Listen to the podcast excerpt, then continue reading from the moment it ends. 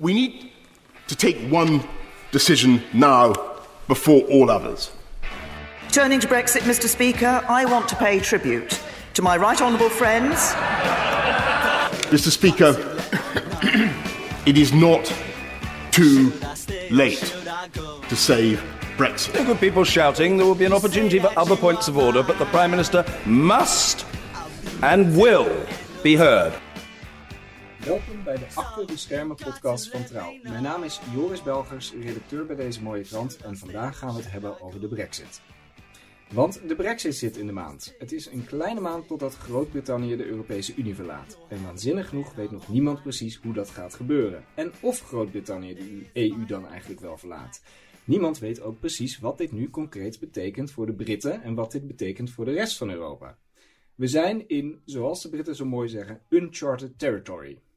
Vandaag gaan we pogen wat licht in die duisternis te schijnen en dat doe ik met Christophe Smit, onze EU-correspondent te Brussel en buitenlandredacteur Romana Abels. Ook gaan we even bellen met Londen met Tim de Wit, onze correspondent aldaar.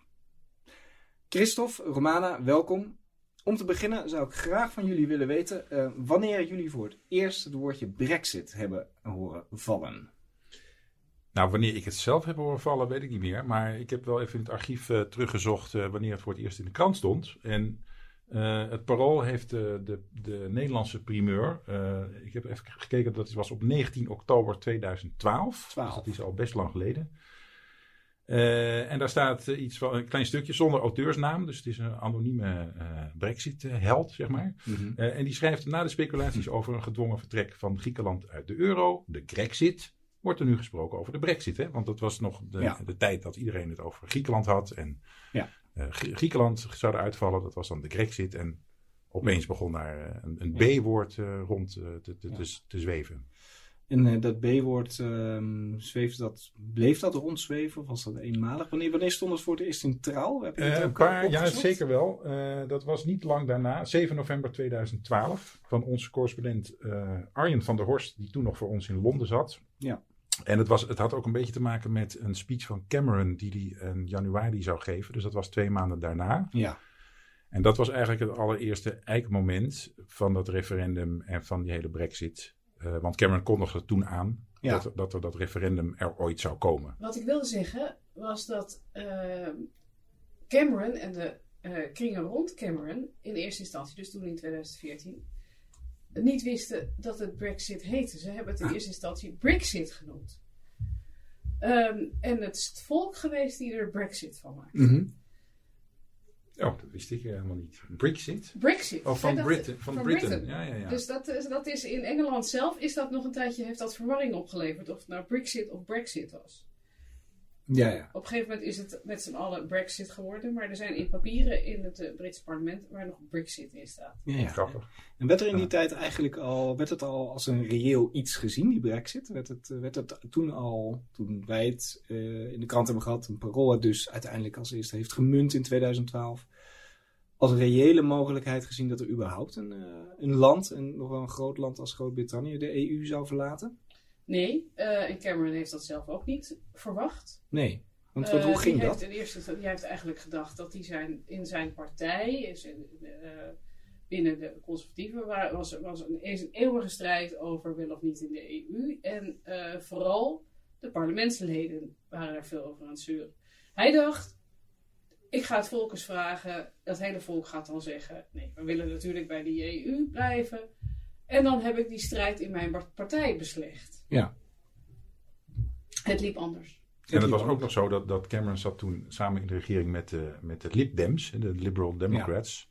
Die waren pro-EU. En Cameron dacht in die tijd ook, uh, nou ik zal wel het referendum voorstellen, maar dat komt er waarschijnlijk toch niet, omdat de Lib Dems daarvoor gaan liggen. Ja, en dat hebben ze toen niet gedaan. Nou ja, dat, dat was toen nog niet aan de orde, want toen kwamen dus die verkiezingen en toen won Cameron, uh, die kreeg toen een absolute meerderheid in het parlement, dus die had die Lib Dems helemaal niet meer nodig. Dus Nee. toen was hij opeens een beetje slachtoffer geworden van zijn eigen succes. En was er niemand meer die dat referendum uh, kon tegenhouden Nee. eigenlijk. Maar goed, uh, wij, hebben ook een, uh, wij in Nederland hebben ook een referendum over de EU gehad. Hè? Nog het, het Oekraïne-referendum. Dat was, zoals dat zo mooi heet, een, een niet bindend uh, referendum. Uh, dit referendum dat Cameron uiteindelijk uitschreef, was ook een niet bindend referendum. Klopt. waarom maakt hij dat eigenlijk wel bindend? Ja, zo is het in Nederland ook gegaan. Hè? Ik bedoel, eh, er is een soort van democratische druk op, op regeringslei of op politici. Van we moeten vooral luisteren naar het volk. En eh, ook al is dat maar 50,0001 procent. dat moeten we, daar, daar moeten we dan iets mee gaan doen. Ja. En als, als dat, hè, je kan, kan moeilijk zeggen na zo'n referendum van nou bedankt voor jullie mening, volk, maar eh, we gaan over tot de orde van de dag. Maar waarom bestaat er dan eigenlijk überhaupt iets als een niet bindend referendum, zou je dan kunnen afvragen? Een goede vraag. Ehm, wat ik me ook nog afvroeg, is er ooit eh, in de jaren 50, in de jaren 60, in, bij het verdrag van Maastricht, is er ooit bij welk verdrag dan ooit wat er op Europees niveau is gesloten rekening mee gehouden dat het wel eens zover zou kunnen komen dat er een land eruit zou willen? Eh, nee, want in die vragen stond dat ook niet. Eh, dat is pas voor het eerst gekomen in het verdrag van Lissabon. Dat is dus, eh, wat was het, 2007. Oh ja. En dat is er toen ingekomen eigenlijk. Niet vanwege, toen werd er helemaal niet gedacht aan de Britten. Maar het- eigenlijk was Oostenrijk toen, dat was toen, die hadden toen op een gegeven moment, begin van deze eeuw, een beetje enge rechtsradicale regering. En met dat land in het achterhoofd is dat artikel 50 bedacht. Eh, en dat artikel 50 gaat dus over het opzeggen van het lidmaatschap. En dat is dus geïntroduceerd in, eh, in het verdrag van Lissabon. Daarvoor was het inderdaad niet mogelijk om uit de EU te stappen. Nee. Eh, en toen werd dus in, in de aanloop naar dat verdrag bedacht van nou misschien moeten we toch een artikeltje hebben eh, dat dat mogelijk maakt. Ja. Het is van Britse kant ook nooit eh, een wens geweest. Hè? Thatcher is met groot enthousiasme in Maastricht gestapt. Ja.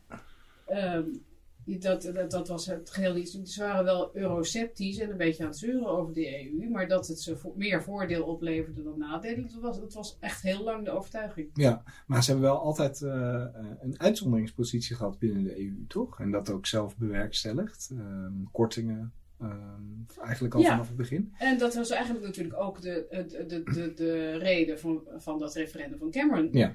Die had gehoopt dat hij eh, daarmee nog weer meer eh, vrijstellingen van de Vanuit EU los, te peuteren dan, eh, dan Ja. hij al had. Ja.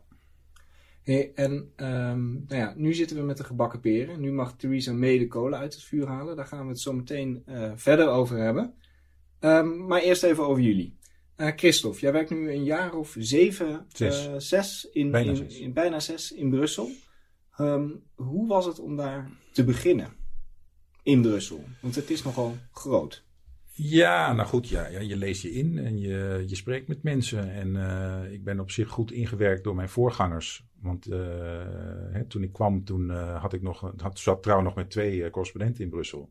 Ja. Dus dat was Leonor Kuik, die heeft mij nog een beetje wegwijs gemaakt. En voor de rest, ja, je, je weet van tevoren dat het ongeveer een half jaar kost voordat je, voordat je een beetje wegwijs weet in Brussel. Ja.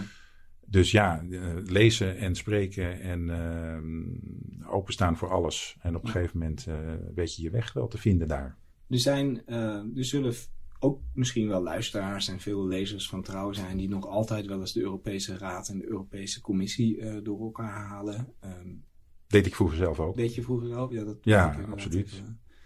Hoe, hoe lang duurde het voordat je het een beetje onder de, onder de knie hebt? Ik bedoel, is, is Brussel nou zoveel ingewikkelder dan bijvoorbeeld Den Haag? Nou, dat, ja, voor mij, volgens mij valt dat wel mee, heb ik inmiddels ontdekt. Ik zit wel eens te, te bedenken, stel dat er nu hier een marsmannetje zou landen en die zou jou vragen van, eh, leg eens even uit het, hoe het politieke Nederlandse systeem werkt. Nou, dan denk ik dat je ongeveer aan drie minuten wel de, de basisprincipes hebt uitgelegd. Hè. Staten-generaal, Eerste Ja. Kamer, Tweede Kamer. Dan heb je nog gemeenteraad die over plaatselijke dingen beslist. In drie minuten ben je heel end. Als dat marsmannetje vervolgens vraagt, leg de eh, Europese politiek nou eens uit. Dan ben je iets meer tijd kwijt, maar niet heel veel meer, denk ik. Ik denk dat je dan vijf minuten nodig hebt om inderdaad die verschillen tussen commissie, raad, parlement uit te leggen. Hoe de besluitvorming werkt in, in EU. Het is, het is eigenlijk best simpel, Ja, de hoofdlijnen. Kijk, het is, uiteindelijk kan het heel ingewikkeld worden als je naar de uitwerking kijkt. ja. Maar de basisprincipes zijn best eh, makkelijk te begrijpen. Ja. En, en waarom denk je dat er, eh, het woordje euroceptisch is al gevallen? Ehm, waarom denk je dat zoveel mensen toch iets hebben tegen de EU? Of de EU moeilijk en ingewikkeld vinden? Hoe, waar denk je dat dat vandaan komt? Ja, het is heel groot, hè?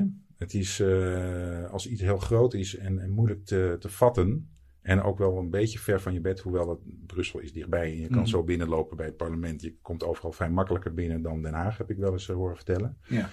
Het is groot. Eh, ze spreken er vaak hele gekke talen. Ehm, dus het is, en, zo'n debat in het Europese parlement is ook niet echt eh, spectaculair. Het is, als je naar de Tweede Kamer, als daar spannende momenten zijn met, met ministers die eh, worden gedreigd met, met aftreden, dan is dat politiek drama. Dat heb je in het Europese parlement veel minder. Inderdaad, juist vanwege die omvang en, en vanwege al die verschillende talen die door elkaar heen worden gesproken. Dus het is veel lastiger om je daarmee te identificeren. Ja.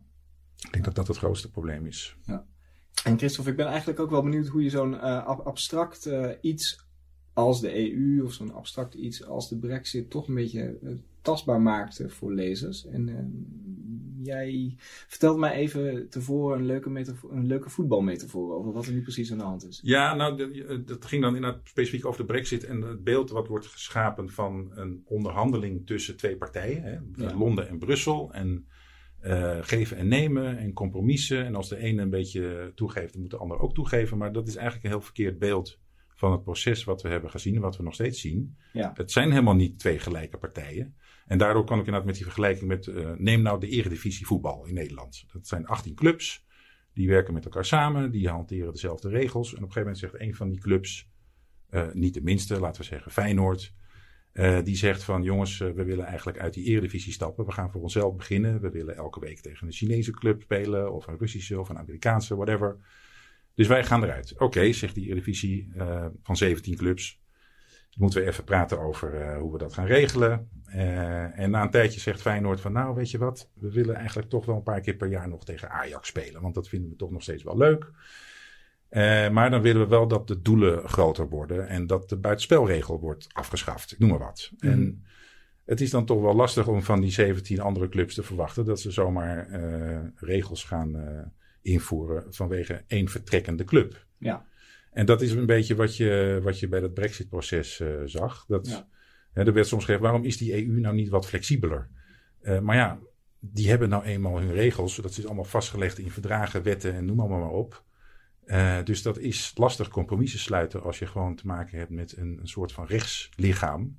Ja. Eh, dus dat, dat zijn de twee ongelijke partijen. Eh, Romana, ehm, jij op jouw beurt heeft, hebt om de brexit wat tastbaarder te maken onlangs een heel mooi artikel geschreven. Je ging een dagje, twee dagjes, drie dagen mee met een vrachtwagenchauffeur op pad naar Dover via Calais. Ehm, hoe kwam je op, op het idee? Eh, er was al een tijd, eh, was de transportsector aan beide kanten van het kanaal aan het klagen over wat er zou gaan gebeuren met, de, met hen, voornamelijk eh, na 29 maart, hè, de, Ja. de beoogde brexit-datum.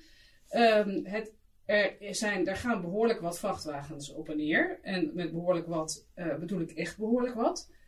Dat zijn Mhm. rijen en rijen en rijen vra- vrachtwagens. Voornamelijk koelwagens die van Nou, 100, 1000, 10.000 per dag. Ehm, ja, dan heb ik toevallig eventjes de cijfers niet paraat. Duizenden per dag. Er gaan zes treinen per uur vol vrachtwagens naar de overkant. ja. Eh, en er gaan ook nog boten Ja. van vrachtwagens. Eh, dus er zijn maanden in het jaar waarin het Verenigd Koninkrijk voor 80% van zijn voedselbehoefte van het eh, Europese vasteland afhankelijk is. 80%. Eh, er zijn ook maanden dat ze het iets beter zelf kunnen regelen, maar in de winter is het best lastig. Ja. Ehm, nou ja, dus eh, en die transport, en dat, en het best, is best lastig om met een vrachtwagen, nu al, van, eh, van bijvoorbeeld Veenendaal naar nou, Dover te komen of Londen. Want je moet, je moet van alles, hè. je moet dus inladen, je moet, dan, ga je die hele, die- dan ga je die weg af en dan kom je bij Calais en dan moet je ontzettend oppassen. Eh, want daar staan allemaal mensen die mee willen.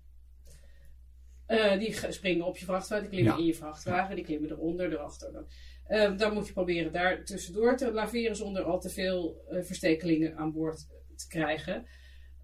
Dan moet je dus een hele, daarna heel lang gecontroleerd worden op verstekelingen. Vervolgens ga je dan dus op die trein. En dan, nou, ehm, dat is al best een lang proces. Maar goed, is, dat gaat vrij goed. Je, je kunt binnen acht uur spullen van hier naar de overkant krijgen. Dus het eh, voordat sla, van- sla van hier op de veiling, doet er acht uur over om in Londen in de markt te liggen. Oké.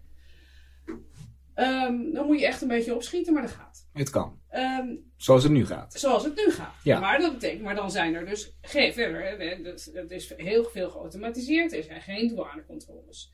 Stel dat er wel douanecontroles komen. Toen ging iemand eens een keer uitrekenen wat er gebeurt als er iedere vrachtwagen één minuut gecontroleerd moet worden. Ja, dat is een, was een Dat leuk is- sommetje in jouw, eh, in jouw Ja. stuk. Ja. Dan eh, duurt het een week langer voor, Ja. het, voor die kropsla om in Londen aan te komen. Er wordt de sla niet lekkerder op, denk ik. Dat is heel rot voor de sla. En Ja. nog wel rottiger voor die Engelsen eigenlijk, die graag sla eten. Of dat wel moeten van hun regering.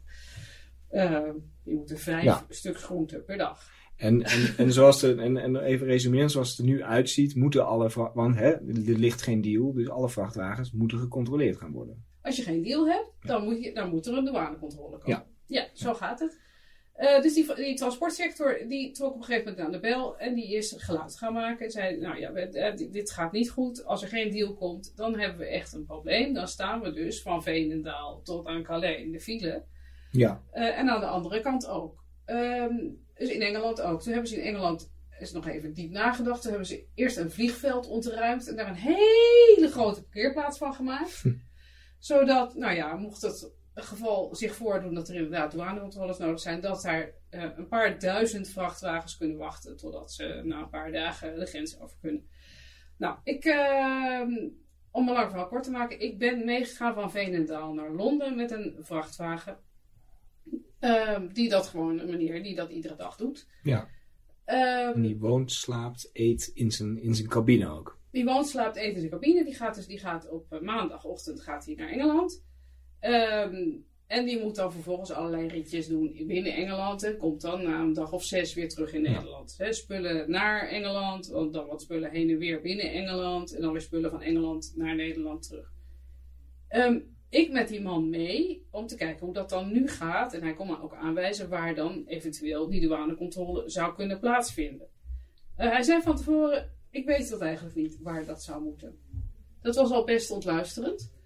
Ehm, want zij, ja, aan de Engelse kant, daar zijn dus die kliffen. Ja, Eh, daar kan je niet nog een kantoortje tussen proppen. Dat past gewoon niet. Ehm, aan de Franse kant, daar, zijn die- daar, daar, is het ook best moeilijk om nog een kantoortje tussen te proppen. Want daar moeten die vrachtwagens nu tussen rijen en rijen hekken ja, eh, om, die, om die verstekelingen tegen Ja. te gaan. Ik met die man in die vrachtwagen.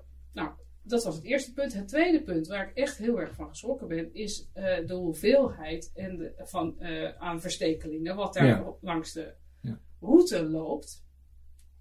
En hoe eng dat is als je in zo'n vrachtwagen zit. Laat staan als je straks dus 6, 7, 8 dagen in de file staat. Nou ja, dan, is dat, dan zijn ze natuurlijk niet tegen te houden.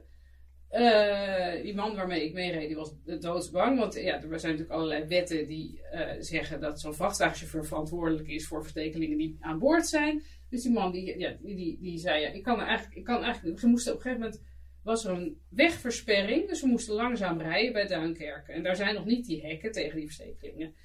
Eh, daar loop je, rij gewoon door het landschap. En je zag, die, je zag al overal tentjes en eh, mensen een beetje zich ophouden langs die weg. En wij moesten langzamer. En ze renden met z'n allen naar die weg. Ehm, ja, en dan klimmen ze op een vrachtwagen. Dat zie je gewoon gebeuren. Dus, En ze, eh, drie tegelijk op één vrachtwagen. één van links, één van achter, één van rechts. En zo'n chauffeur kan maar in één spiegel tegelijk kijken. Ja. Dus hij weet, als hij in de linkerspiegel kijkt, dan ziet hij niet wat er rechts gebeurt. Ja. Hij ziet al helemaal niet wat er achterin gebeurt. Eh, dus hij weet pas als hij daar bij Calais wordt gecontroleerd met honden, met weegschade. ehm, of er inderdaad misschien wel verstekelingen aan boord zijn. En dan is hij dus, eh, dan is hij, nou ja, dan was die man die er al heel bang voor, dan was hij daar aansprakelijk Ja. voor. en ondertussen ehm, ligt die kropsla ook nog steeds achterin. En die Omdat- slaan, ja, die, eh, ja, die, Even, even naar, naar de Britten en, en naar de Britse regering. Ehm jij, je hebt dat mooi opgeschreven, wat, wat er kan gebeuren als er geen deal komt, als er geen afspraken komen. Realiseer, realiseert men zich dat in het lagerhuis niet?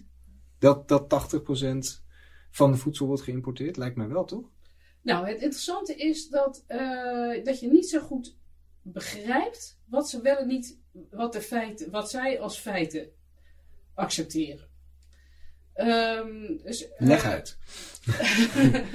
dus eh, je zou zeggen, dit is een feit. Hè? Dat, het is moeilijk om zo'n douanecontrole te... Maar eh, de laatste, eh, de, de vorige Brexit-minister, die er nou ja, tot eh, eind vorig jaar is gezeten, die zei bijvoorbeeld vlak voordat hij vertrok, die had dus maanden, maanden, maanden, maanden onderhandeld hè, met de EU. Ja. Die zei vlak voordat hij vertrok, jeetje, ja, hé, hey, we zijn eigenlijk toch veel afhankelijker van die Calais-Dover-route Mhm. dan ik me tot nog toe had voorgesteld.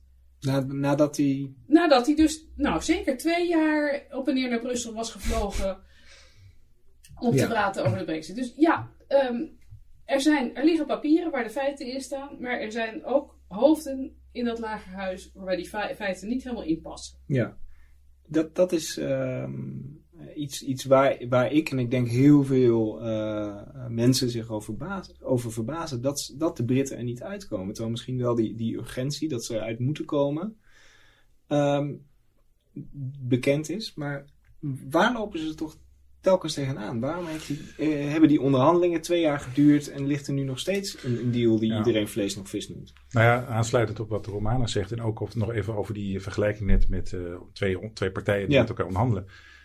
Ik heb af en toe wel een beetje medelijden met die Britten, eh, omdat zij natuurlijk al tientallen jaren geen handelsoverleg hebben hoeven voeren. Dankzij de Europese Unie. Dat deed de Europese Commissie allemaal. Voor Ja. hun en voor ons en voor iedereen. Dus ze hebben totaal geen ervaring meer met, met eh, onderhandelingen over handel. En de Europese Commissie is daar zo'n beetje wereldkampioen in. Dus de, de- in die zin, die onderhandelaars van de Commissie, dat zijn echt kanjers. Die, die zitten al tien jaar lang met dit soort materie, houden die zich bezig. hè. Zo'n Sabine Weijand, dat is die Duitse mevrouw die eh, zeg maar de rechterhand is van die Michel Barnier, de hoofdonderhandelaar. Dat is echt, die weet gewoon alles over dit soort dingen. Die kan je over alle Ja. finesses urenlang bijpraten. En die Britten zitten tegenover eh, haar. En ja, die staan met de mond vol tanden, kan ik me zo eh, voorstellen. Dus ze weten gewoon, en daar kunnen ze deels dus ook niks aan doen. Ze weten gewoon heel weinig van, eh, van de finesses van dat soort processen. En sowieso is dit een totaal onbekend proces voor iedereen. Want het is nog nooit eerder gebeurd dat een land uit Ja. zo'n groot handelsblok stapt. Eh, dus dat maakt het voor iedereen eh, nieuw en eh, onverwacht. En, en daarom, ik denk dat daarom die onzekerheid zo lang duurt. Ja, ja, wat er ook, aan de, ook meespeelt is, dat, is het wantrouwen in het Verenigd Koninkrijk.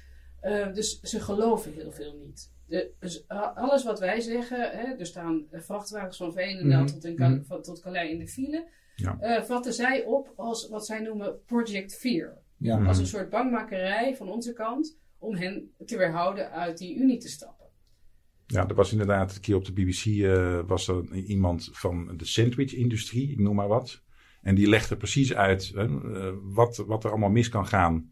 Hè, want al die verse ingrediënten van, van zo'n sandwich die komen uit allerlei verschillende hoeken. Dat moet precies op het juiste moment moet dat op één plek komen. En dat dreigt dus straks helemaal spaak te lopen. En die waarschuwde daarvoor.